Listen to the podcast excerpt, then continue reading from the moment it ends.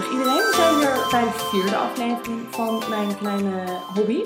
Namelijk deze podcast maken. Ehm, tegenover me heb ik Vera zitten. Hoi Veer. Hi René. Ze moest even een slokje wijn nemen. Ja. We hebben even wat eh, alcoholische drankjes ingevoerd. Om gewoon toch voor te zorgen dat het even wat soepeler loopt. En dat is wel eh, handig. Ja, En lekker. ja zeker. En het werkt wel goed. Ja, Dus, het werkt eh, goed. ja. Dus dat je dat in ieder geval weet. Wij gaan het vandaag hebben over werk-privé-balans. Ik vond dit ten eerste een heel actueel onderwerp. Ik vond het echt ontzettend een goede, goede voorzet. Want ik denk dat heel veel mensen zich erin kunnen vinden. En ondanks of je wel of niet werkt, denk ik dat gewoon het balans tussen studeren en privé of werken en privé. En gewoon daar een beetje goede balans in vinden voor iedereen wel enigszins toepasselijk eh, zou kunnen zijn.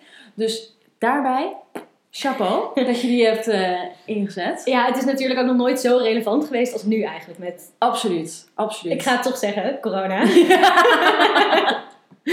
ja, me zeggen. Dat verandert het natuurlijk wel gewoon. Dus het is leuk om het er nu over te hebben en te kijken wat een beetje, ja, wat zijn de effecten daar nou precies van? Ja. Is het echt anders dan hiervoor? Ja, nou er zijn heel veel interessante studies natuurlijk naar voren gekomen de afgelopen paar maanden over van alles nog wat. Maar daar komen we later sowieso op terug. Mhm. We gaan het ook niet alleen maar over hebben, want dit is natuurlijk niet het enige wat er eh, de komende jaren gaat Mhm. spelen. Uiteindelijk eh, is het hopelijk voorbij en dan kan je je work-life balance op een andere manier eh, voortzetten buiten je eigen huis. Maar ehm, voordat we beginnen wilde ik een beetje aan jou vragen om je eigen context te schetsen van waar je werkt, wat je doet en hoe lang je er ook al werkt. Yes, nou oké. Ehm, ik vind het altijd lastig hoor om mijn eigen werk te omschrijven. Dus ik ga mijn best doen. Eh, ik werk nu ongeveer anderhalf jaar. Mhm. Dus ik ben begonnen na mijn master meteen. Heb ik gesolliciteerd en ehm, ben ik binnengekomen bij Egon Zeender. En Egon Zeender is een executive search firm. Zo noemen we het officieel. Maar ja, ja Mensen hebben geen idee wat je geen idee wat ik dan bedoel. Dus eh, meestal ga ik dan van executive search firm naar het woord recruiter, naar het woord headhunter. Want dat is ook een beetje wat het best omschrijft wat wij doen. Ehm, wij zoeken eigenlijk de juiste mensen voor de juiste baan. En dan voornamelijk op ehm boardniveau. Dus executive board en supervisory board. Dus dat kunnen ehm, CEO's, CFO's, CRO's eh, zijn of eh, leden van de Raad van Commissarissen. Ja, gewoon hoge piefjes. Hoge pieven eigenlijk. Ja, Ja, ja, ja. ja, ja, Waar wij ook allemaal hopen te zijn over eh, 20 jaar misschien wel, wie weet. Als het goed is voor de work-life balance. ja, dat wel, dat wel.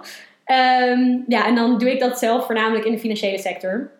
Oh, dus eh, ja, ja, wel heel interessant. En dan eh, ben ik voornamelijk begonnen bij Nederlandse bedrijven. Om daarbij te kijken, maar de laatste tijd ook steeds meer aangehaakt op internationale projecten. Ja, want het is wel een internationaal recruitment bureau natuurlijk. Mega, Ja. ja. Ja, ja, Het is eh, heel internationaal. In meer dan, nou wat is het? Meer dan 40 landen wereldwijd. Ehm, dus ja, Ja, je kan het zo gek niet bedenken en we zitten er wel. ja. Hoeveel eh, mensen werken er in Nederland, in Amsterdam? Ja, wij hebben een kantoor in Amsterdam. Dat is het enige kantoor in Nederland. En daar zitten we met ja, ongeveer 60 mensen in totaal. Oh ja. Ehm, ja, en in mijn team, ik ben zelf ben ik een eh, researcher. En in het research team zitten, nou wat zijn het, 14 mensen ongeveer. Oh ja. Dus, eh, Wel ja, een goed, groot genoeg team. Wel, zeker. Ja. Ja, ja, een heel leuk team ook. En een goede, ehm, goede balans. Ja. Gewoon van de mensen die erin zitten. En eh, best wel een jong team ook nog eigenlijk. Dat is wel leuk. Dus dat is heel leuk. Ja, Ja. al ben ik wel echt by far toch nog de jongste. Ja, dat ervaren we wel vaker eh, binnen onze groep. Dat toch Ja. wel eh, de jong, ja, weet toch wel jonkies zijn eh, binnen het bedrijf. Maar Zeker. ja, zoals je al zei, je kaart meteen aan ehm, over balans. Want daar gaan we het vandaag inderdaad over hebben, over work-life balance. En je kwam zelf met dit onderwerp en dat vond ik wel echt, eh, echt een goede, ja, goede inzet. Want het is inderdaad super actueel, zoals ik er net al zei. Maar aandacht voor het privéleven is op een gegeven moment al in de jaren tachtig was het al iets wat naar voren kwam. Veel mensen denken dat het toch door de millennials een beetje is doorgevoerd. Dat zij veel meer voor hun welzijn en dat soort dingen ook zorgen. Maar het is in de jaren tachtig is het al een beetje een, een kreet geworden toen er meer vrouwen en meer moeders ehm, eh, ja, gingen werken. En daardoor ja, op een gegeven moment een balans moesten gaan creëren Mhm. tussen hun familieleven en dat ze ook wilden gaan, gaan werken. Of het parttime of fulltime was. En toen is het een beetje, een beetje doorgekomen. En in de laatste paar jaren is er toch wel heel veel aandacht voor, toch wel meer aandacht voor gekomen, vind ik. En die toenemende mate van, het, van deze arbeidsvoorwaarden geworden, Mhm. dat je toch wel zorgt voor, voor je werknemers. Want het is van belang voor beide de werknemer zelf, maar ook voor de werkgever.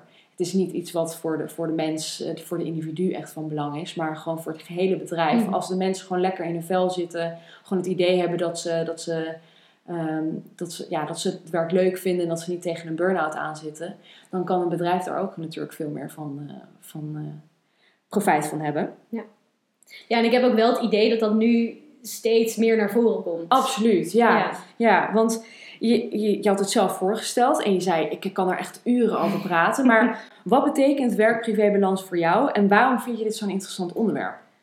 Nou, ik vind het een heel interessant onderwerp, omdat ehm, ja, ik als starter daar natuurlijk ook wel mee bezig ben. Om uit te vinden hoe werkt het nou, dat werken en privé naast elkaar. Want het is toch wel een hele switch om van je studententijd naar een werkend leven te gaan. Waar ehm, nou, eigenlijk iets meer vaste uren zitten, meer structuur. Je kan minder je eigen tijd indelen, denk ik. Ehm, en dat verschilt natuurlijk wel per bedrijf, maar over het algemeen zit je wel gewoon vast aan je redelijk 9 tot 5 tijd. Ehm, en je weekenden, wat dan wel weer heel fijn is, dat je niet eh, daarin bezig bent. Ehm, maar het is toch een beetje je leven opnieuw indelen. En dat vind ik interessant. En na anderhalf jaar denk ik dat ik het soms nog best wel moeilijk vind om die balans te vinden Ja, tussen eh, werk en privé. Dus ik vind het interessant om daar gewoon wat meer over te hebben. En ik ben er ook best wel mee bezig nu. Dus Ja? dat, eh, dus op wat, voor een, op wat voor een front vind je het dan moeilijk om die balans te houden? Wat zijn dan voorbeelden? Vind je het dan moeilijk om juist in het weekend niet aan het werk te zijn of juist je laptop aan het einde van de dag dicht te doen? Of waar, op wat voor momenten heb je er nou echt moeite mee? Nou, ik denk dat het verschilt. Vooral toen ik echt net begon met werken. Nou, dan ben je nog heel erg aan het inwerken, inlezen. Ehm, dan is er gewoon nog minder voor jou om echt te doen. Dus dan had ik soms het idee, nou, dan ben je best wel wat vroeger klaar dan de rest. En dan heb je zoiets van, hmm, Moet ik nog wel blijven? moet ik nog wel blijven? Het is vijf uur. Ehm, ja, zelf ben ik eigenlijk wel klaar. Ik zit een beetje hier voor niks. Maar het voelt toch alsof je moet blijven. Terwijl als je dat tegen iemand zegt, dan roept iedereen: ga alsjeblieft naar Ja. huis. Het is echt prima. Ja, ik herken dat wel. Maar het is gewoon dat gevoel dat je zoiets hebt in het begin van: oh, ik moet echt eh, laten zien dat ik mijn best doe en aan mijn werktijden houden. Ehm, en dat is wel echt omgeslagen naar hoe langer je er zit, hoe meer verantwoordelijkheden je krijgt. Dat je ook merkt van: joh, ik moet gewoon mijn werk kunnen doen. En eh, het liefst in de tijd die ik heb. En als ik dan een keer om vijf uur klaar ben, nou, dan is het echt heerlijk. En ga je ook gewoon meteen lekker stoppen. Omdat je vaak ook gewoon toch langer doorwerkt. En merkt dat als je dan een keer tijd over hebt, dat je daar ook gewoon van moet genieten. Ja. Dus dat leer je wel, denk ik, hoe langer je werkt. Dat als het een keer wat rustiger is, dan moet je die momenten nemen en je er niet schuldig over voelen. ja, dan ga je ze koesteren. Dan, Precies. dan, ga je echt, dan kijk je echt naar uit dat je dat gewoon hebt. En dat je er gewoon eh, van kan genieten. Ja, en ik denk dat het ook is dat je je toch wil verantwoorden naar je collega's en naar je werk. Want je ziet dat andere mensen, vooral op kantoor toen nog, je ziet dat andere mensen bezig zijn. Nou, dan heb je zelf ook zoiets van, oh, ik moet ook hard werken, want ik wil ze steunen. En we staan hier toch samen. Het is een beetje een sociale druk die er dan Precies. ontstaat. Ja. Ja, Ja. Heb je ook, en, en, en nu heb je dat aangekaart over gewoon die sociale druk en dat je Mhm. wel dat, eh, moet werken op bepaalde ma- momenten. En dat je niet te vroeg naar huis wil gaan of te laat je werk wil komen. Mhm. Dat zijn natuurlijk ook van die, van die dingen. Maar heb je, ervaar je het ook eh, op andere fronten? Of is het puur gewoon hoeveel uur je echt nou daadwerkelijk achter je computer zit? Of heeft het ook... nou, ik denk dat dat wel is omgeslagen na een tijdje. Dan zit je toch meer in het bedrijf. Ja, En dan nou, kun je wat meer je eigen tijd indelen ook. Want je weet gewoon wat er moet gebeuren en hoe het moet. Ehm, en dan merk je dat je gewoon goed werk wil leveren. En eigenlijk een beetje de andere kant op gaat van... eh, zit ik niet te veel uur te werken? Want dan krijg je ook van mensen te horen... joh, je moet wel niet s'avonds werken en niet in het weekend werken. Maar je wil wel goed werk afleveren. Dus dan ga je toch je eigen grenzen verleggen en een beetje pushen van... hm, oké, vanavond werk ik tot 7 uur. Hm, Vanavond werk ik tot 8 uur. Hm, oh, ik ga toch in het weekend nog even twee uurtjes werken. ja. Dus dat is echt wel grappig om te zien, te zien hoe dat weer omslaat. Ja, je, je maakt een soort, soort ding mee van eerst heb je niet genoeg werk en dan wil je eigenlijk naar huis, maar durf je dat Mhm. eigenlijk niet. En naarmate je gewoon veel meer werk hebt, je bent gewoon ingeburgerd, Mhm. dan kom je juist op het moment dat je dan moeite vindt om juist te stoppen en nee Ja. te zeggen. En dan toch even die, die randjes op gaat zoeken van ja, hoe ver kan ik eigenlijk gaan om mijn werk nou echt te leveren. Terwijl Precies. Ja, heb je het idee dat je dat nou echt nodig hebt om het echt zoveel beter te doen? Die paar uurtjes later aan het einde van de dag of, of in het weekend of dat soort dingen? Nou, ik denk dat het ook in vlagen gaat hoor. Want ik heb ook echt wel periodes dat ik zeg, weet je, het is vijf, zes uur, het is klaar, het is prima. Ja, Ehm, maar je hebt ook wel periodes dat het gewoon veel drukker is. En dan heb je toch het gevoel van, ja, mensen verwachten wel iets van me. Dat ik lever en eh, ze hebben mijn werk gewoon nodig. ja, Dus dan wil je het ook wel gewoon goed doen. Je voelt wel verantwoording naar je collega's om gewoon niet te slekken nee. op dingen. Ja, en dat is natuurlijk ook een van de verschillen met studententijd. Dat je dat Mm. gewoon echt voor jezelf deed. Je ging dan niet... Ik bedoel, als jij wilde gaan studeren laat in de nacht of gewoon ermee Ja. wilde kappen, dan was het prima. Dan was het puur voor jou. Maar als je werkt, dan ben je van elkaar afhankelijk. Dan zit je veel meer aan, aan ja, wel serieuze deadlines. Ja, dat heb je natuurlijk ook met papers en met tentamens. Maar hierin zit toch wel wat meer, meer achter. Ja, precies. En als je ehm, iets afraffelt of echt op het allerlaatste moment werk gaat doen in je studie, ja, dan heb je alleen jezelf ermee. Ja, En dat was dan wat makkelijker. En hier is het echt wel, ja, mensen moeten ook weer iets met jouw werk doen. Daar moet weer iemand overheen. Weet je wel, ja, je blijft bezig. Inderdaad. Je zei dat je er wel enigszins mee bezig bent. Je, Mhm. je, je, je doet er iets aan. Maar was er een bepaald moment waarvan jij opeens wakker werd geschud? Oh, nu moet ik echt meer aan mijn werk-privé-balans denken. Was, was het een geleidelijke switch of een geleidelijke openbaring van ik moet hier meer mee bezig zijn? Of was er een moment dat je dacht van kut, nu, is het- nu kan het niet meer en nu moet ik er echt meer aandacht aan gaan besteden? Ja, ik denk dat het een tijdje best wel goed ging. Dus dat er ook een goede balans was tussen werk en privé. Ehm, maar dat, ja, ik denk toch dat het komt door het thuiswerken. Dat dat heel gevaarlijk is, omdat er gewoon eh, de grens vervaagt een beetje. Omdat je toch aan je eigen keukentafel zit te werken, of soms een bureautje in je eigen slaapkamer. Wat is dan nog de grens tussen ik heb nu tijd voor mezelf en oeh, ik wil toch nog even dat e-mailtje sturen. Ehm, dus dat maakt het veel lastiger om dat op te zoeken. En wat wel heel erg helpt, heb ik geleerd om gewoon vooral te blijven afspreken met mensen na je werk. Ook tijdens het thuiswerken. Of Ja. gewoon, eh, nou wat ik zelf dan doe, gewoon alles opruimen aan het eind van de dag. Alsof je het echt niet meer kan zien dan, je hele werkstation. Ja, het moet fysiek ook gewoon niet meer in zicht zijn. Ja, en als je gewoon met vrienden om zes uur hebt afgesproken om hier te gaan eten, dan wil je niet tegen een computer aan zitten. En dan ben je ook, moet je ook gewoon echt die laptop dichtklappen. Ja, en ook mentaal, dat je het gewoon even afsluit. Zeker, zeker, ja. Ja. Ja, omdat, je werk, omdat je, ja, je werk is in je privésfeer terechtgekomen. Mhm. En dat zorgt ervoor dat, die, dat, die, ja, dat het allemaal een beetje vervaagt. Dat het allemaal in elkaar overloopt. Mm, dus het is vooral tijdens corona dat het echt wel iets is waarbij je veel bewuster bent geworden. Ja, ik denk dat voor iedereen dat het wel veranderd is inderdaad. Ja, de manier waarop er naar gekeken wordt. Ja, zeker, zeker. Nou, dat brengt mij meteen wel aan een van mijn volgende feitjes. Mhm. Want uiteraard, zoals ik al zei, er zijn superveel onderzoek geweest naar hoe ehm, corona en thuiswerken echt een impact heeft gehad op ons werk-privé-balans. Nou, er zijn wel interessante dingen uitgekomen. Mhm. Waaronder eentje dat er zijn minder men- mensen die overwerken, dus die overuren maken. Dus ze zijn van 75% naar 61% gegaan van de mensen die overuren maakten. Maar de mensen die werken gemiddeld langer. Dus ze zijn van 4 uur naar 11 uur gegaan. Hoe bedoel je? 4 naar dus 11? als in dat je per week 4 uur overuur Oh. maakt, zijn ze nu naar 11 uur gegaan. En dit komt vooral door de overwerking in de zorg. Hm. Dus, en toen ik dat onderzoek een beetje las, toen dacht ik van ja, er zijn gewoon heel veel haken en ogen aan. Er zijn heel veel verschillende aspecten van, die je er ook in moet meenemen. Want inderdaad, in de zorg is gewoon het werk ontzettend omhoog gegaan. Maar dat houdt niet per se in dat als jij een kantoorbaan hebt, dat je dat dan ook hebt. Dus de verschillende perceptoren waren een beetje moeilijk te achterhalen. Maar mijn vraag is eerder, hoeveel procent van de mensen vond het in oktober 2020 nog prima om thuis te blijven werken? Want dat is ook naar voren gekomen. Weet je, Mhm. Men- je, je kijkt naar hoeveel, hoeveel mensen thuis werken, eh, wat ze ervan vinden. En er zijn toch wel wat interessante feitjes uitgekomen over hun ervaringen. Wat denk, wat denk je dat ongeveer het percentage is aan mensen? Nou, ik denk dat het in oktober, dat mensen er misschien nog iets positiever in stonden dan nu. Zeker, ik zou inderdaad wel tijd van het jaar eh, Ja, meenemen. ja, dat was nog voor de donkere dagen, Ja.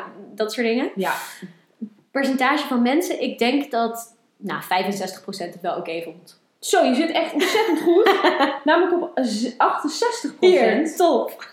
Heel goed gedaan. Ja. Zou je denk je ook een paar van de voornaamste redenen kunnen verzinnen waarom mensen het toch prettig vinden om thuis te werken? ja, ik denk omdat ze dan meer van hun gezin zien. Ehm, minder de reistijd, ze hoeft niet in de file, in de drukke treinen. Ehm, misschien minder irritaties van collega's als mensen dat hebben. Ja, ik weet het niet. Je hebt sommige mensen ja, die het verschrikkelijk vinden om met hun collega's op kantoor te zitten. Ja. Ehm, ja, ik weet niet. Wat, wat, wat stond er? Nee, ja, je zat inderdaad gewoon goed. Gewoon geen reistijd. Dat is voor heel veel mensen is dat wel echt de voornaamste Ja. reden. Dat je niet in die trein of eh, in de auto hoeft te zitten in de file. Beter je eigen tijd indelen. Dit vond ik een interessante. Want dit kan voor sommige mensen heel gunstig uitpakken. Mhm. Maar voor anderen juist heel vervelend.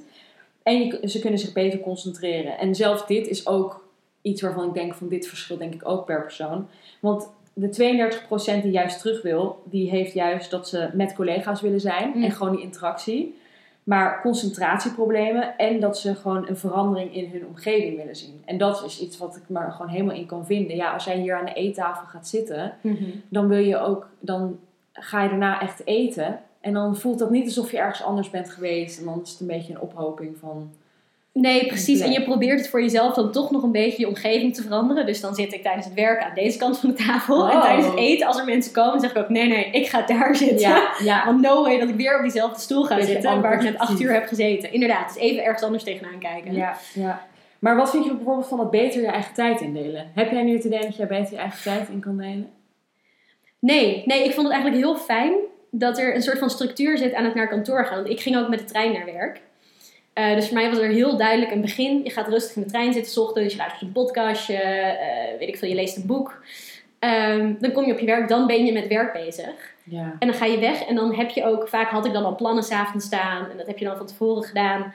Dat je echt je werk hebt afgesloten, je bent klaar en dan ga je eh, iets leuks doen. En daar, dan is het ook gewoon tijd voor iets leuks. Ja, nou, ik kan me er inderdaad ook wel in vinden. Want ik vind het eigenlijk ook gewoon lekker om gewoon op andere plekken te zijn. En ik heb nu ook wel zodanig mijn dag ingedeeld dat ik er gewoon voor kan zorgen dat ik er af en toe uit kan gaan. Mhm. Ook gewoon tijdens de lunchpauzes dat ik denk van, ik ga gewoon even een half uur wandelen. Weet je, ik ga eerst even eten en dan ga ik even wat frisse, frisse lucht pakken. Want dan heb ik een beetje verandering in van mijn omgeving. Maar op een gegeven moment kwam dat, ging dat ook wel knagen. Want dat rondje die je loopt, die wordt niet heel anders op een gegeven moment. Je blijft dan constant toch wel een beetje dezelfde omgeving van Amsterdam zien. Of Mhm. dezelfde omgeving van Baarn. En dat, daar heb je ook wel wat, wat nieuwe, nieuwe leven in nodig. Dus gewoon die routine, dat, dat is wel goed om dat Mhm. erin te zetten. Maar op een gegeven moment moet daar wel iets heel anders in komen om het toch wel weer even, even Ja, want dan merk je nu je eigen tijd indeelt dat je efficiënter bent in de dingen die je doet. Of valt het eigenlijk tegen? Oeh, Dus dat je ook thuis meer gedaan krijgt? Nou ja, ik kan dat niet zo goed vergelijken. Ik heb niet lang of in mijn huidige baan op kantoor gezeten. Mm. Ik heb eigenlijk alleen maar thuis gezeten voor, voor, voor het werk wat ik nu voor, voor, voor bij Adidas. Dus ik heb in de zomer heb ik een paar dagen per week op kantoor gezeten. Maar er waren heel weinig mensen. Dus dat was ook Mm. niet een realistisch beeld van hoe het is om daar op kantoor te zijn. Want dan heb je ook niet die, die koffiegesprekjes of gewoon samen lunchen of dat soort dingen. Dus dan deelde ik ook een beetje op mijn eigen manier mijn tijd in. Snap ik. Maar heb je er behoefte aan, denk je, om die, die scheiding te hebben? Is 100%. Ja, Ja. Ik, vind het, ik vind het nu prima. Maar ik kijk er heel erg naar uit om gewoon weer terug te gaan. En dat gewoon, gewoon een beetje de dynamiek te hebben. Er gewoon Ja. mijn huis uit. Dat is gewoon, dat is gewoon ja, ik wil gewoon mijn huis uit. Ja, Daar begint het dan gewoon bij. Dus, eh, dus dat eigenlijk. Ehm, maar ze hebben op een gegeven moment thuiswerken al voor de coronacrisis hebben ze al geprobeerd in te voeren als iets, iets wat normaler is. Om dus die werk-privébalans een beetje, Mhm. een beetje ehm, ja, goed, goed te kunnen waarborgen voor, voor heel veel van de werknemers. Dus Ja. dat vond ik wel interessant. Want uiteindelijk blijkt het wel enigszins goed te kunnen werken voor een deel van de mensen. Zeker. Maar het zijn vooral de jongeren die er last van hebben dat, het niet, dat we niet naar kantoor kunnen. Want Mhm. dat, die 32% dat zijn voornamelijk mensen die toch wel eh, rond de 20, 30 eh, zijn, die ook geen familie hebben. Dus die dat, die dat misschien ook anders, eh, anders ervaren. Dus dat vond ik wel een interessante. Wist jij? Gewoon even een hele andere switch. Ja, ja, ja, uit corona. Goed zo. Ja. Weet jij op welke plek op de ranglijst Nederland staat als het gaat om werk-privébalans? Oeh. Nou, vind ik heel lastig. Ik denk niet dat we heel laag staan, maar ook niet dat we nou super hoog staan. Als ik even nadenk in vergelijking met andere landen. Ik denk 13. Nou, we staan op nummer 1. Serieus? Ja, blijkbaar doet Nederland het ontzettend goed als het komt op werk-privébalans. Oh, dat had ik niet echt- verwacht. Ik dacht, dit is pure bullshit. Ik Ja. weet niet hoe je dit hebt eh, gedaan. Maar in ieder geval, het is een onderzoek wat is gedaan door de Organisatie van Economische Samenwerking en Ontwikkeling. Dus dat is niet- een Nederlandse organisatie, of niet? Nee, nee, nee, dat is gewoon een wereldwijde organisatie. Dat is eh, zeker niet. eh, nee, dat is gewoon wereldwijd is dit, is dit onderzocht. En ja, blijkbaar houden ze gewoon heel veel mensen zich aan hun, hun werktijden. Mensen die werken van zichzelf Mm. blijkbaar minder over. En daardoor eh, hebben ze veel meer tijd voor andere leuke dingen. En ervaren ze dat op, op, op die manier gewoon veel beter. En bedrijven die besteden er gewoon veel meer aandacht aan, blijkbaar binnen Nederland. En het komt ook enigszins door het parttime cultuur wat hier in Nederland heerst. Ja, want ik wil net zeggen, het is toch heel veel vrouwen in Nederland Ja. die parttime werken vergeleken met andere landen Ja, eigenlijk. zeker. Wij zijn echt kampioen in parttime werken. Dus nou, dat vond ik eigenlijk al een, een gesprek apart. eh, hoe parttime werken nou echt in Nederland eh, echt zo erg ja, erin gekomen. En heel normaal is, eh, is geworden. En dat heeft ook wel enigszins te maken met wat er in de jaren tachtig een beetje is ingekomen. Dat veel meer vrouwen en veel meer, veel meer moeders en jong, eh, gingen werken. En dat daardoor ook die werk-privé-balans juist heel belangrijk is geworden. En wij hebben dat in Nederland juist heel erg eh, ja, goed doorgevoerd blijkbaar. Ik vond het wel interessant. Het is, schijnt al wel een aantal jaar zo te zijn. Ehm, de VS staat heel slecht op de ranglijst. De VS die, die waarborgt echt de, de, de, de gezondheid van hun werknemers echt totaal niet. Mhm. Die hebben heel weinig vakantiedagen. Die, krijgen geen, die worden niet uitbetaald voor overtime. Of, of Ouderschapsverlof is ouderschapsverlof Ja. is echt... Als je een baby eruit hebt geperst... dan kan je net zo goed gewoon twee dagen later weer achter je bureau zitten. bij wijze van spreken. Dus nou, dat vond ik heel interessant. Dat het qua cultuur ook heel erg, eh, heel erg verschilt. Ja. Dus eh, nou, we doen het blijkbaar goed. Want 0,4% werkt meer dan 50 uur per week. Van de 0,4 mensen- 0,4%. Laag man. Dat is echt heel laag. Tegenover een eh 11% gemiddelde per, eh, van de hele wereld. Dus het gemiddelde is 11%. Ten, ten opzichte van de 0,4. Maar is het dan omdat wij het zo waarderen in Nederland, onze vrije tijd? Het we zijn niet lui. Ik vind ons geen lui volk. Absoluut niet. Nee. Absoluut niet. Nee. Ik heb geen idee waardoor dat, eh, wat er nou echt eh, verder achter zit. Zouden wij bijvoorbeeld meer onderzoek naar moeten doen? Oké. Ja, vind ik wel interessant. Wel een goeie, hè? Wel een Ja. goeie. Maar zoals ik net al zei, van eh, de Amerikanen die hebben er gewoon heel weinig focus. Die, die, leggen er heel weinig focus op. Echt, om nou echt aandacht te geven aan hun, aan hun werknemers. Maar dat komt ook vaak vanuit een bedrijf. En Mhm. ik heb zelf ook gekeken naar wat Adidas ervoor doet. Maar ik vroeg me af, wat doet Egon eh Zeender eigenlijk om het werk-privé-balans van de werknemers te waarborgen?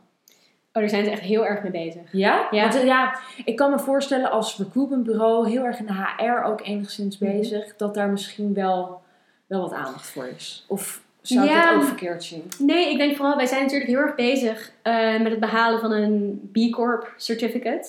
Dus dat wij een eh sustainable bedrijf zijn. We zijn op allemaal manieren bezig om eh, voor de maatschappij beter te werken, eh, voor de werknemers beter te zijn, voor het milieu, voor het klimaat, dat soort dingen. Nou, daaronder valt dus ook vrolijke werknemers. Dus wat wij, nou ik weet niet hoe het bij andere kantoren gaat, maar in kantoor Amsterdam zijn wij nu bezig met een lifeguard training. Het is niet mensen redden die verdrinken via de nee, Zoom. ga je niet eh, met, je, met je rode reddingsboei zo, eh, zo het water in springen? Nee, nee, nee, nee, nee, dat is het niet. Ehm, ja, volgens mij is dit iets wat opgezet is door topsporters of voormalig topsporters. eh, die dan gaan helpen mensen in het bedrijfsleven. Dit is te doen bij allerlei verschillende soorten bedrijven. En nu dus ook bij ons. Ehm, ja, dat, dat ze gaan helpen hoe zet je je leven nou echt gezond in elkaar naast je werk. Of hoe, ja, Ja, ze hoe zijn- hou je die balans gewoon goed. ja, je kan dat zeker vanuit sporters kan je dat wel, eh, wel inzetten. Ja, die worden overal voor gebruikt, die sporters. Ja, precies. Ja. Als ze zelf helemaal niet meer kunnen sporten, dan gaan ze dit soort ja, dan doen. moeten ze, ze moeten ergens anders werk Ja. vinden. Dus dan maar dit. Nee, klopt. En ik heb heel toevallig deze week eh, twee trainingen daarvan Ja. gehad. Dus je kon jezelf opgeven voor vijf verschillende dingen. Nou, één daarvan was omgaan met stress op het werk. Goeie.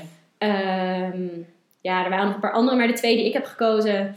De eerste was een positieve mindset. Oh ja. En ja, heel mooi. En de tweede ging over, ehm, ja, het heette ontspannen als een pro.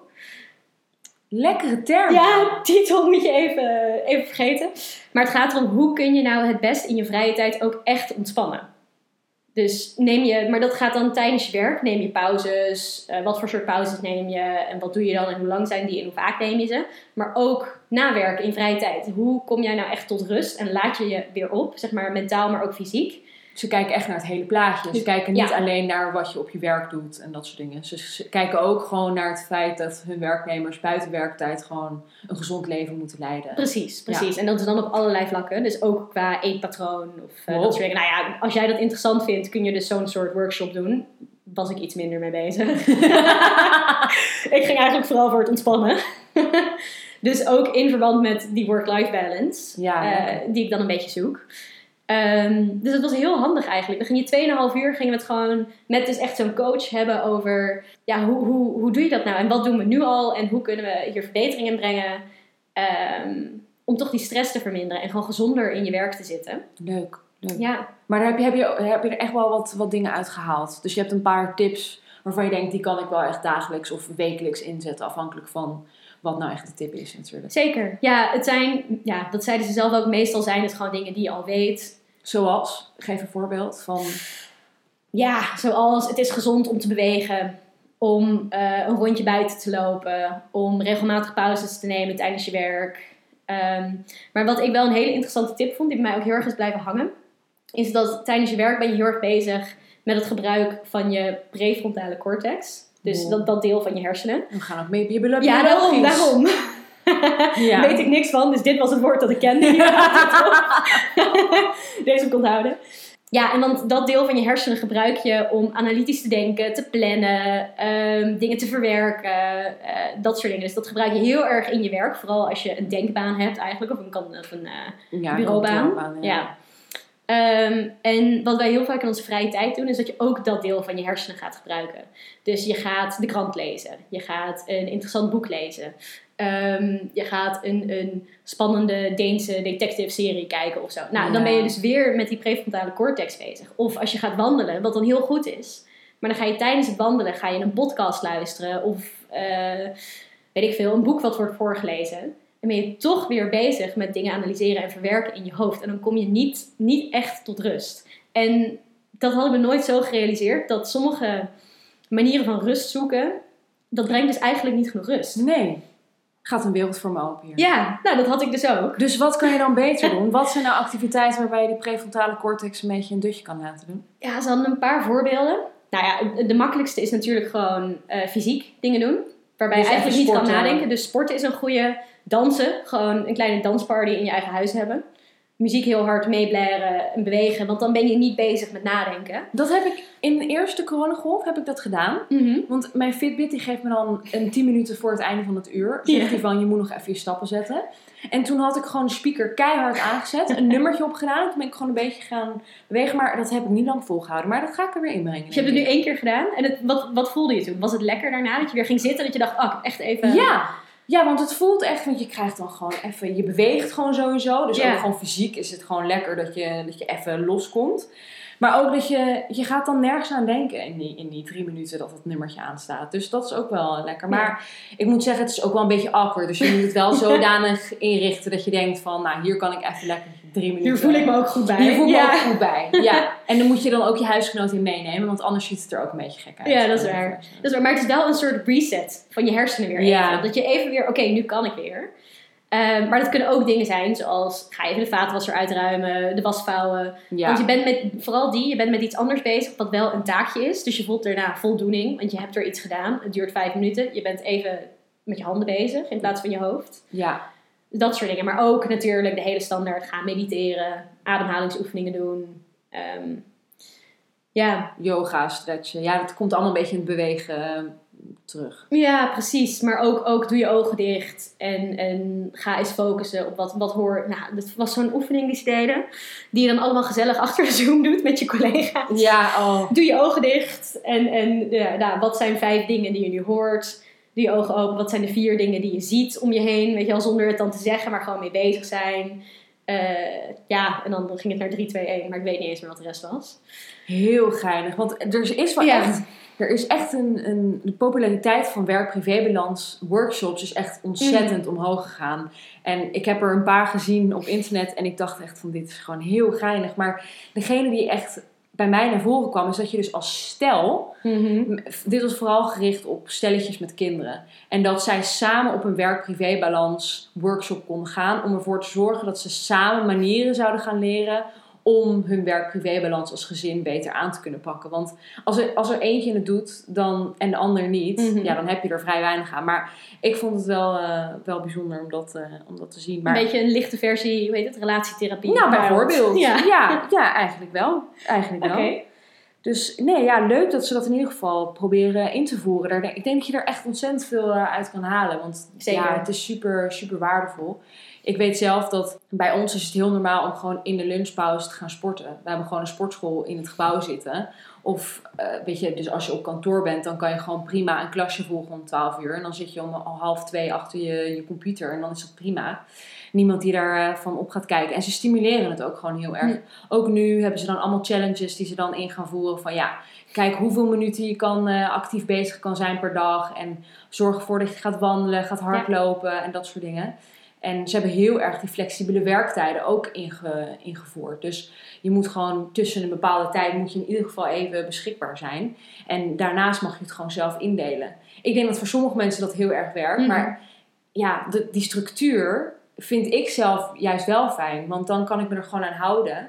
Want anders zoek je mensen die op hele andere werktijden bezig zijn. En dan loopt dat ook niet altijd lekker voor de efficiëntie van je werk. Ja, maar ik vind het ook wel knap dat zo'n groot bedrijf, eigenlijk als Adidas, er dus ook zo mee bezig is om dingen een beetje los te laten, nieuwe dingen te proberen. Ja, het is wel Duits, dus er zit wel een bepaalde grens eh, in. Maar ja, ze proberen dat wel heel erg te doen. Maar het komt natuurlijk, het is een sportbedrijf. Dus Ja, ze, mega. kunnen niet, ze kunnen niet tegen mensen zeggen, ga niet sporten. Dus dat zit al erin gebakken eigenlijk. Jullie zitten wel in de unieke positie dat je inderdaad die sportschool hebt. Ja. En dat er eigenlijk bijna raar naar je wordt gekeken als je niet even gaat sporten deze week. Nou, bijvoorbeeld. Ja. Ja, dus dat wordt gewoon, eh, gewoon heel eh, normaal ervaren.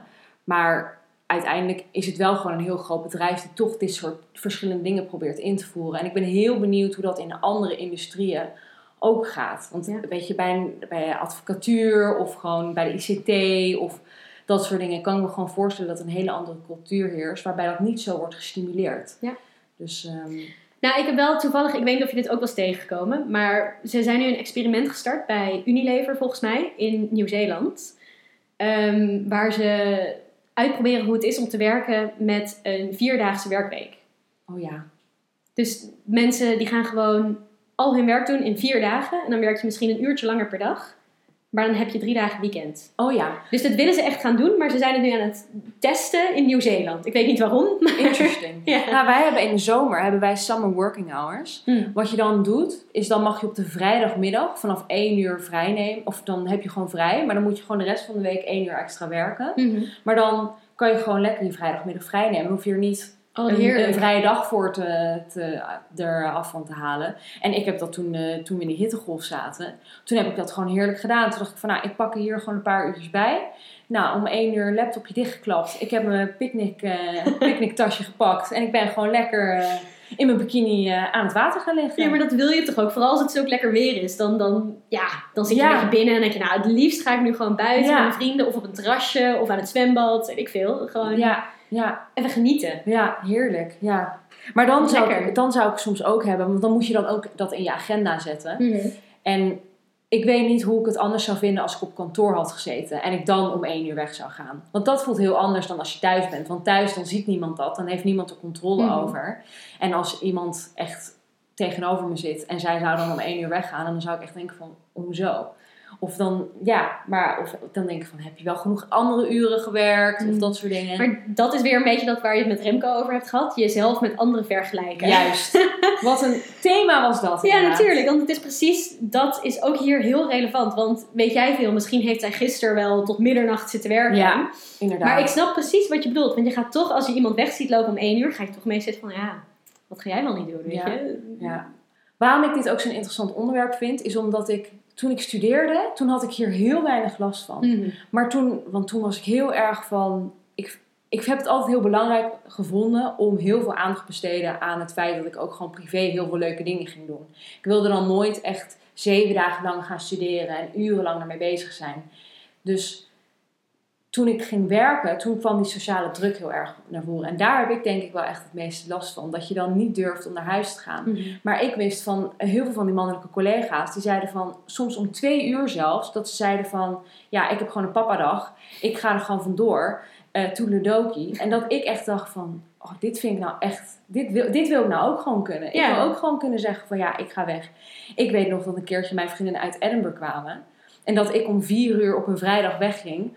Al afgesproken van ja, ik ga. En dat ik alsnog even wilde, echt nog wilde aankaarten van ja, sorry, ik heb alles afgekregen. Echt 100%. Maar ze zijn er maar één weekend. Ik hoop niet dat je het erg vindt. Je zit Je jezelf zit echt te er verantwoorden. Verantwoorden. Ja. En je, je verontschuldigt jezelf voor alles wat hier gebeurt. En dat vond ik zoiets naars. Terwijl, maar het, het is ook zo. Niemand neemt het je kwalijk. Nee, Dat, jij dat gaat doen met die vriendinnen. Want dat is echt niet wat jij iedere week om vier uur wegloopt. En dat weten zij ook heel goed. Ja, het zit echt tussen je eigen oren eigenlijk. Ja, om mega. te doen. Maar toen, ik, ik- ja, ik vond, het, ik vond het heel lastig. En naarmate de tijd een beetje verder is gegaan, nu kan ik ook veel meer open met mijn eigen Mm. manager erover praten. Want ik denk ook dat een, dat een teamcultuur, dus hoe je met je team omgaat, ook heel erg invloed erop heeft. Want als iedereen dat doet en iedereen een beetje begrip voor elkaar toont, dan is het heel anders dat jij een baas hebt die gewoon ervoor zorgt dat jij gewoon ja, uren achter je computer gaat zitten. Ja. Dus die cultuur die. eh, Maar dat, daarom is het ook zo belangrijk om gewoon te blijven communiceren met je collega's. Dat je ook gewoon weet wat er en op hun eh, werk speelt. Dus dat ze het heel druk hebben bijvoorbeeld en ergens in een clinch zitten. Maar ook dat je het weet als ze thuis een situatie hebben, iets wat lastig is. Of juist iets heel leuks als hun zus gaat trouwen. Dat jij gewoon weet, joh, jij gaat naar die bruiloft of vrijgezellenavond hartstikke leuk. Of joh, jij hebt nu een hele zware week gehad, dus je hebt even een middagje vrij nodig. Absoluut. Maar dat is echt communicatie met elkaar. En dan krijg je zoveel meer begrip voor iemand die even slackt of nou, gewoon even de tijd voor zichzelf neemt. Ja, ja. En dat, ja, dat kan je ook gewoon prima zeggen. En dit, het is heel leuk dat je dit zegt. Want vanochtend toen ik wakker werd, toen heb ik meteen mijn telefoon open gedaan. Het gaat niet zo goed met mijn goede voornemen. Van minder social media en minder telefoon. Maar toen zat ik op mijn LinkedIn en toen was er precies die eerste post van een man die tijdens een videocall met zijn dochter op zijn schoot zat. En hij had Mm. iets heel moois gezegd. En hij zei van, we zitten nu heel erg te hameren op work, eh, eh, work-privé balance. Maar we kijken niet zo goed naar werk-privé Hmm. Dus dat je echt laat weten aan je collega's van, weet je, oh mijn dochter is ziek, ik moet er toch wat meer aandacht aan besteden. Want ik vind het heel leuk om ook van mijn collega's te weten van, wat doe je nou buiten je werk om? Ja. Waar ben je nou echt mee bezig? En ik denk dat dat heel erg waardevol is, want dan leer je elkaar toch gewoon veel beter kennen. En daar valt altijd wel wat voor te zeggen, want je werkt met deze mensen dagelijks. Ja. Je moet dan toch wel weten, zijn ze getrouwd? Weet je, hebben ze kinderen? Eh, weet je, dat soort dingen zijn toch wel, wat zijn hun hobby's? Waar zijn ze mee bezig? Weet je, dat- ik weet dat een collega op een gegeven moment aan mij op een maandag vroeg van... Oh, hoe heb je gisteren gespeeld tijdens het hockeyen? Dat zijn dan toch leuke gespreksonderwerpen die je dan op dat moment kan aankaarten om elkaar beter te leren kennen. En Ja, maar dat voelt toch ook gewoon heel fijn als een collega dat aan jou Ja, vraagt. ja. Want, want daarna heb jij zoiets van, oh, ze heeft echt naar me geluisterd. En, en ze ziet me echt staan, ook als mens, niet alleen als collega. ja, inderdaad. En dat vind ik wel heel erg belangrijk. En Ik heb nog wel een vraag. Ja, Hoe, hoe zie jij dat, ehm, het mengen van werk en privé? Want hoe, ja, hoe zit het met drankjes doen met je collega's? Is, en uitgaan met je collega's? Naar een Fantastische festival gaan met je collega's? nou, dit was, je, je, je komt meteen goed binnen, want dit was eigenlijk de vraag die ik wilde stellen. En die sluit erop aan. Heb jij jouw collega's op Instagram? Ja, een paar wel. Ja, want hier komt, want ja, ik heb heel, ik heb bijna geen collega's op Instagram. Ik heb nog oud stagiaires van Ajax die ik op Instagram heb, maar ik heb niemand van Adidas op Insta. Ik, ik ja, het kan ook een beetje komen omdat we elkaar natuurlijk niet in, in het dagelijks leven zien. Eh, en nooit die kans hebben gehad om toch te zeggen van, oh hier, kijk mijn Insta, wil je vrienden worden? maar ik vind, ik, ja, ik vind dat toch wel een leuk om eruit te gooien van, volg je wel wel of niet je collega's? En dat brengt dan ook het volgende van, ga je dan ook samen dingen doen? Want ja, Ja, ik, ik vond het wel lastig hoor, om van dat collega's volgen op Instagram. Want ik merk wel dat ik meer nadenk over wat ik nou echt erop zet. logisch. En dat ik wat vaker een story just for friends of for close friends deel. Omdat ik denk, ja, mijn collega's hoeven dit echt niet te zien. nee, inderdaad. Dan moet je Ehm, een onderscheid Dus je moet wel maken. wat meer oppassen. Maar ik vind het wel heel leuk om hun dingen te zien. Wat zij doen. En, en je leert ze toch op een andere manier kennen. Je ziet hun huisdieren, hun kinderen, wat ze in het weekend hebben gedaan. Ja, En dat geeft toch binding, denk ik. Maar dingen doen met collega's. Volgens mij, ja, ik heb dus maar vier maanden daar echt gewerkt voordat we allemaal gingen thuiswerken. Ja. Maar volgens mij waren mijn collega's daar best wel van, van het dingen samen doen. Dus die zijn ook al samen naar festivals gegaan. Oh, wow. Iemand heeft wel eens een housewarming gegeven voor een nieuw huis. En dan collega's ook uitgenodigd. Dus niet alleen vrienden, maar ook collega's. Ja, dat zou ik, ik zou dat toch wel een heftige stap vinden. Ja, maar dat is ook. afhankelijk van de groep mensen en het type persoon. Ik weet dat binnen mijn team zou dat misschien zou het niet echt logisch zijn. Ik weet dat mijn manager, die is Amerikaans, en die heeft collega's uitgenodigd voor Thanksgiving. Mhm. En dat vind ik wel een hele leuke gelegenheid. En wij hebben ook bijvoorbeeld een team picknick gedaan, gewoon op een maandag in het Beatrixpark. En toen kwam zij met een Magnum fles rosé aanzetten. En dat vond ik heel erg leuk. En Ja. daar hebben we gewoon uren gezeten, we hebben gewoon wijntjes gedaan, we hebben gewoon spelletjes gespeeld en gewoon gegeten. En dat vond ik wel een leuke gelegenheid. En samen drinken, dat heb ik, ik heb, ik heb gefeest met Ajax-collega's tot Maar zes uur 's ochtends. Maar dat zijn hele andere gelegenheden om nou wekelijks te gaan aanpakken. Maar feest je dan net zoals dat je met je vrienden zou doen? Of Ik heb je dan toch een terughoudendheid? Dat je minder drinkt? Of dat je... Nou, die ene Toch keer met... Nou, oké, dat kampioensfeest was niet echt een goed voorbeeld. dat is echt katje, katje, katje lang. Maar op zich heb ik ook wel filmpjes van Etje die ook wel vrij, eh, ja, vrij schokkend zijn. Dus iedereen was, was, gewoon, was, was gewoon echt ja, heel erg wild bezig. Dus, en dat schijnt ook blijkbaar normaal te zijn geweest. In die kampioensfeesten daarvoor was het ook wel redelijk, eh, redelijk hard aan toegegaan. En ik, we zijn een paar keer gewoon op een vrijdagmiddagborrel tot 11 uur in de skybox gebleven. Mhm. En toen had ik niks gegeten en alleen maar Ja. Budweisers achterover getikt. Ja, toen waren we ook wel lekker gewoon aan het lullen. Maar daar heb ik achteraf soms wel enigszins spijt van. Of meer dat ik denk van, nou, had ik dit moeten doen? Ja. Misschien niet.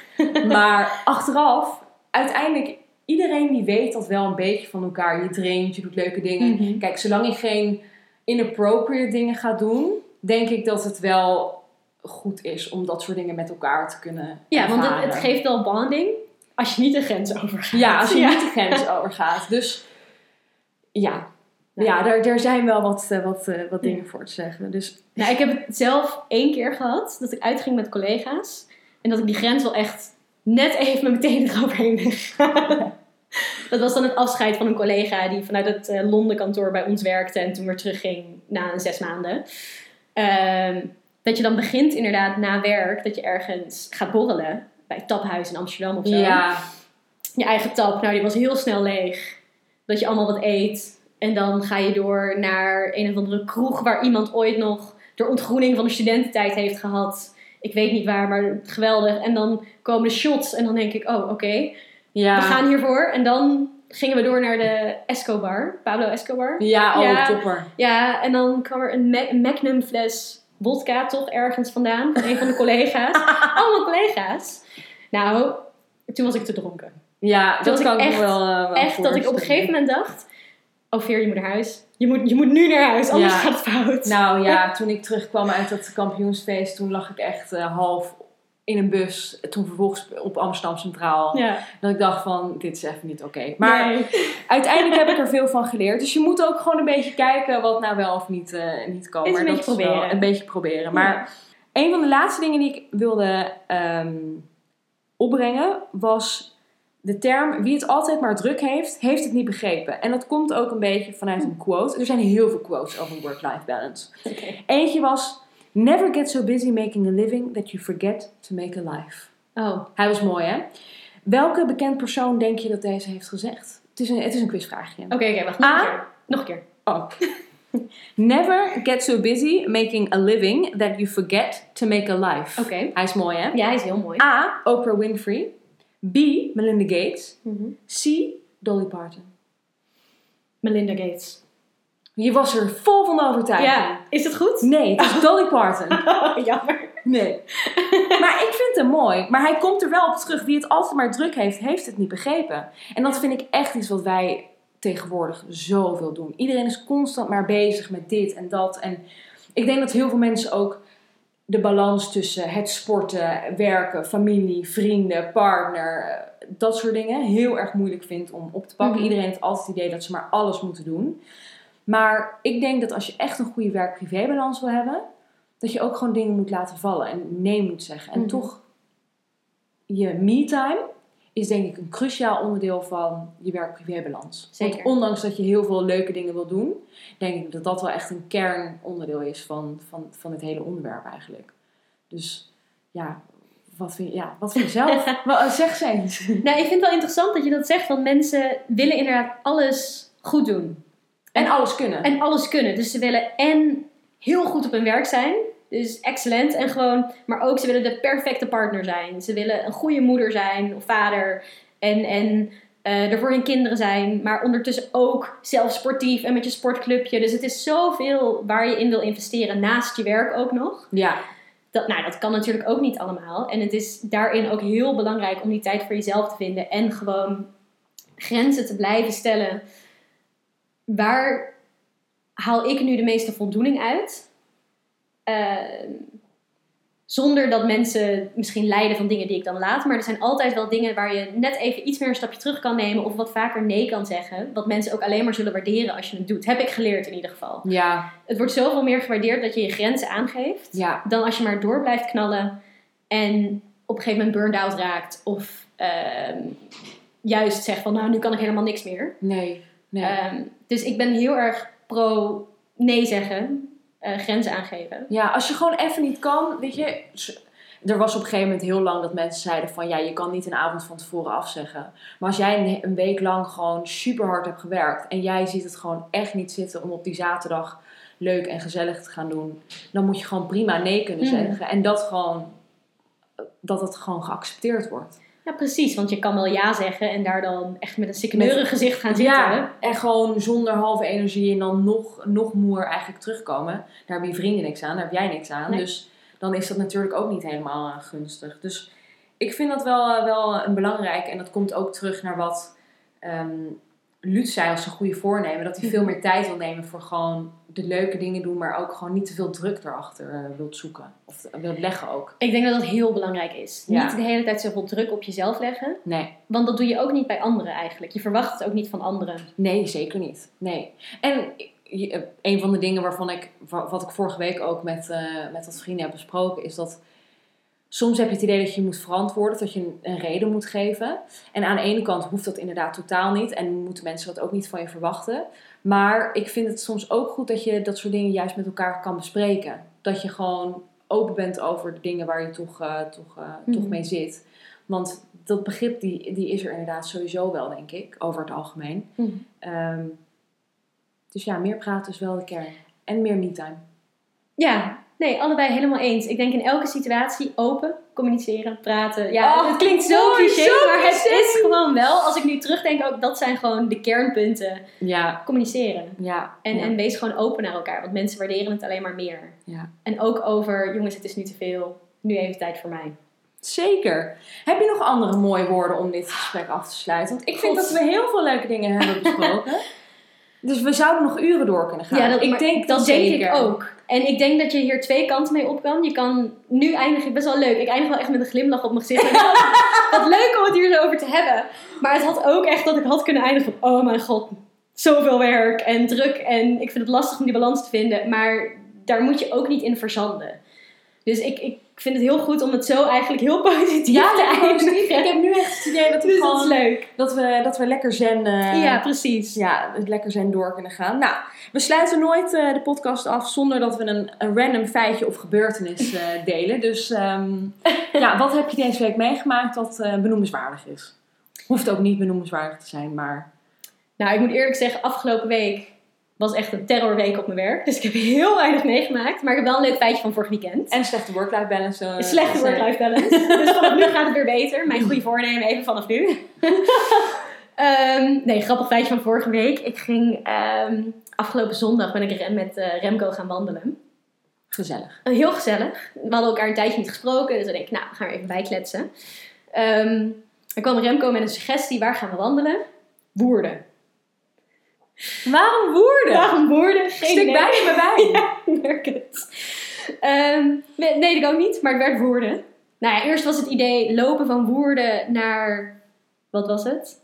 Nou, ergens iets naar het noorden, door de weilanden, de polders, richting uh, Apkoude of zo, ik weet het niet.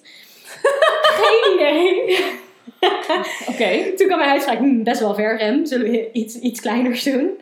Ehm, nou, toen werd het een rondje Woerden. Rem had een hele leuke route opgezocht. Echt, echt best wel leuk. Ehm, een beetje langs de oude, oude buiten stadsgrens van Woerden of zo. Ik weet het niet. Hm. Zelf ben ik geen, eh, geen local daar. Eh, hij ook niet, dus dat is voor ons allebei heel nieuw. Wat dus ook de reden was dat we gewoon echt minuut vijf van onze wandeling al verdwaald waren. ik denk dat we nou, drie uur gelopen hebben. We hebben alle industrieterreinen van Woerden gezien. Nee. En we kwamen er niet vanaf. Maar dat lijkt me heel ongezellig, de industrieterrein van Woerden. Het was heel ongezellig. Nee, de wandeling zelf was heel leuk. En we hebben heel leuk bijgekletst. Maar ik Ja, heb nee, wel echt de slechtste kant kunnen zien van Woerden die je had kunnen zien. Oké. Het was niet het idyllische plaatje dat ik voor me had. Want het plan was lekker langs het water, door de weilanden, door de velden. Uiteindelijk waren we zo verdwaald. We zijn over een of ander erf van iemand gelopen. Aan een jongetje van 13 op de fiets gevraagd. Goh, wil je ons alsjeblieft vertellen, loopt deze weg dood? Of komen we zo terug bij het station? Want we weten het gewoon niet Maar meer. hadden jullie geen Google Maps? Ja, die hadden we wel. Maar dat ging ook niet goed. Nee, dat ging niet goed. Nou, jullie mogen van mij nooit de route aangeven. Nee. Dat gaat niet gebeuren. Nee, Nee, nee, Nou, het was wel gezellig. Jullie hebben wel weer iets meegemaakt. Ja, dat zeker. Het was een avontuur. Een avontuur. Oh, In woorden. in woorden. Oh, geinig, Ja. geinig. Heb, heb jij nog iets leuks gehad afgelopen week? Nou, ik Wat heb, je wil delen? ik heb ook... eh, ik heb wel dingen meegemaakt, maar niet zo super eventvol. Maar ik wilde een klein... Het enige wat ik echt heb meegemaakt... Ik heb een nieuwe showermousse, showermousse gekocht van Dove. Oké. En ik kan je vertellen, hij is zalig. Echt, iedereen moet hem kopen. Geen gesponsord bericht. Het is echt puur vanuit eigen ervaring. Mijn huid is zo zacht. Als je op me zou gaan liggen, dan zou je er zo van afglijden. Echt, het is zalig, zijdezacht, heerlijk. En dat is het enige wat ik echt heb meegemaakt. Dat vind ik Maar wel leuk om te horen. ja, Ja. ja, ik geniet van iedere douche die ik in ieder geval eh, Lekker. Dus, dus Geniet dat van de kleine eh, dingen. Van de kleine dingen, Ja. dat is het absoluut. Dat is het absoluut. Nou, ik ehm, vond het echt super gezellig weer. Ja, ik ook. Heb je nog steeds een glimlach op je gezicht? Ja, ik moet Je nog steeds de lachen. positieve kant van de work-life balance eh, Zeker. eh, besproken. En ook gewoon wat minder leuke dingen. Maar we hebben wel veel verschillende dingen ook besproken. Dus ik denk dat er wel, wel wat leuke dingetjes tussen zitten. Ja, en ik, ik ben benieuwd of het ook herkenbaar is voor mensen. Wat ik, ik ik denk 100%. Ik zou Oké. erop bellen. Oké. Ik zou erop bellen. Dus, dus dat. Bij deze sluit ik hem af. Vond het gezellig. Ja, dankjewel. Alsjeblieft.